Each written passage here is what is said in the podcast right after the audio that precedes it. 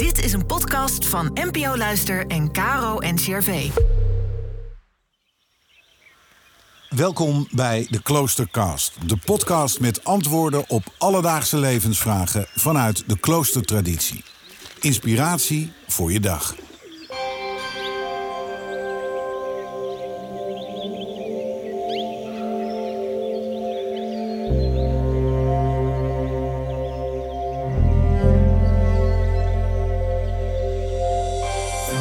Maria van Mierlo is Cisterciënser Ze leeft al twintig jaar vanuit de regel van Benedictus en vertaalt eeuwenoude kloosterwijsheid naar de wereld van vandaag. Ze gaat op zoek naar het onderscheid tussen goede en verkeerde gedachten.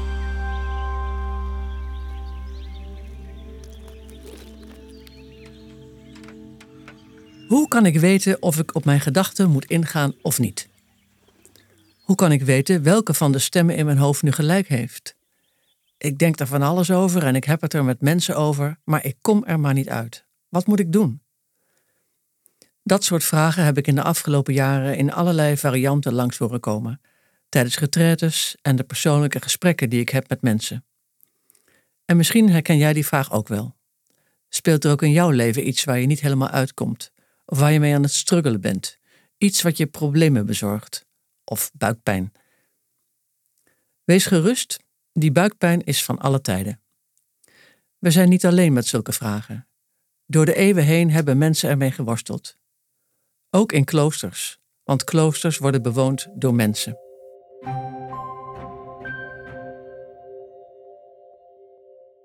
Het verschil met de mensen in het klooster en wij die daar buiten een beetje aan het rondspartelen zijn, is dat ze binnen die kloosterlijke spiritualiteit heel goed nagedacht hebben over hoe je met zulke vragen moet omgaan.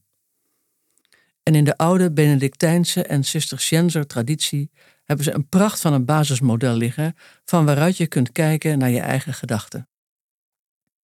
En dan heb ik het over het model van Johannes Cassianus, een woestijnmonnik die leefde in 400 na Christus.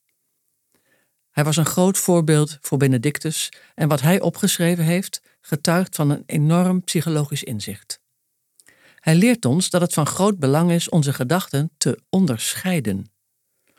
Het woord onderscheiding is in deze context een woord dat echt uit de kloostertraditie komt, waarbij het gaat om goed naar je eigen gedachten te kijken, om dan te beoordelen of je er wel of niet op moet ingaan. Cassianus zegt: onderscheid de gedachten aan de poort. Dat wil zeggen, meteen als ze in je opkomen. Zodra een gedachte bij je binnenkomt, vraag je je af: zal ik wel of niet op jou ingaan? Zal ik wel of niet met je verder gaan? Laat ik je toe of laat ik je niet toe?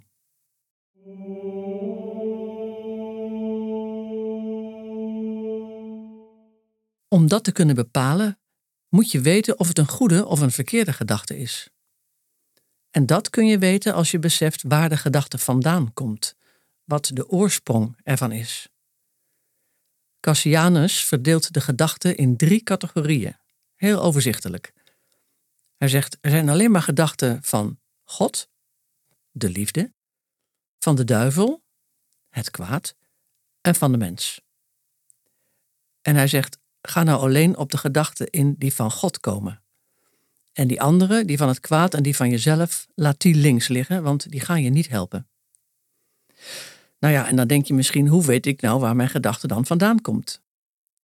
En dan zegt Cassianus, aan de vruchten herkent men de stam. Dat betekent, je herkent de oorsprong, de herkomst van een gedachte, aan wat hij je oplevert in het hier en nu. Hoe ziet dat eruit? Als je kijkt naar gedachten van de mens, die leveren jou bijvoorbeeld op gepieker. Zal ik wel of zal ik niet? Ja, nee, wat moet ik nou toch doen? Als ik dit nu zo doe, uh, vorig jaar heb ik zus gedaan en kan ik dan nu wel weer zo twijfel, twijfel, lijstjes maken, overleggen, wakker liggen, naar het plafond kijken en er niet uitkomen. Dat zijn typisch de symptomen van gedachten die van de mens zelf komen. Gedachten die van het kwaad komen, leveren je op ruzie, ongelukkigheid bij jou of de ander, verdeeldheid, onmin, vechten, conflicten en confrontaties, moord, doodslag en in het ergste geval oorlog. Als gedachten je dat soort dingen opleveren, zie er dan van af.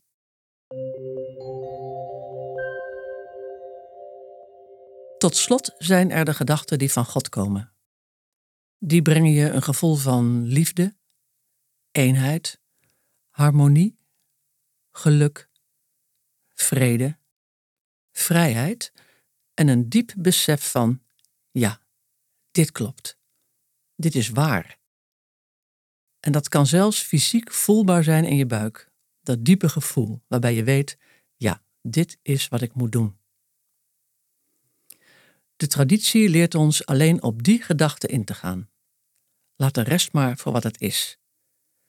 En dan kan het zo zijn dat wat jij in je diepe lijf voelt helemaal niet leuk is natuurlijk. Misschien voel je dat er iets voor je ligt waar je tegenop ziet.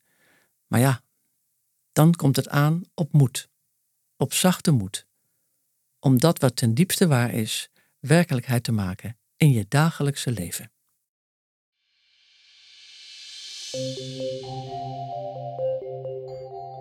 In de volgende aflevering staat broeder Joost Jansen stil bij de mix van bezinning en actie.